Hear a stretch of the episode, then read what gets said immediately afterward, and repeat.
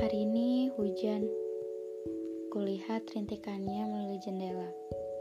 Lalu kubukakan jendela kamarku sengaja agar lebih terdengar suara rintik hujannya. Menikmati suasananya membuatku mengingat kembali segala tentang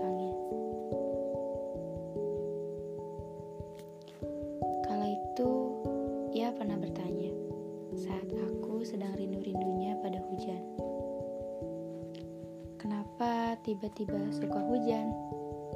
Tanyanya. Gak tahu. Tiba-tiba aja suka. Apa mungkin karena rindu? Udah lama gak lihat hujan. Jawabku. Dia bertanya lagi. Kamu tahu? Tahu apa? Jawabku. Barusan bulan Oktober menyampaikan pesan musim penghujan terlambat datang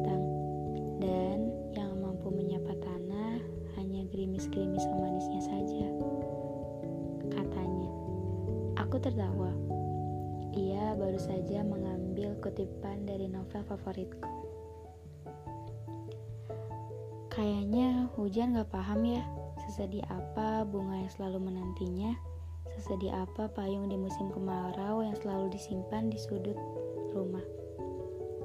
Kataku, mungkin sebenarnya dia paham, tapi kadang yang sulit itu bukan masalah paham atau tidaknya, tapi yang sulit itu jalan cerita semesta yang penuh teka-teki. Hujan juga tak bisa memaksakan dirinya untuk jatuh, padahal dia tahu di bawah sini sudah banyak yang merindukannya. Dan ia pun tahu setelahnya ia pasti akan ada yang membencinya.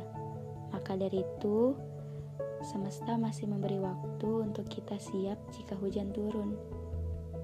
Aku tersentuh. Ternyata ia juga pandai berkata-kata.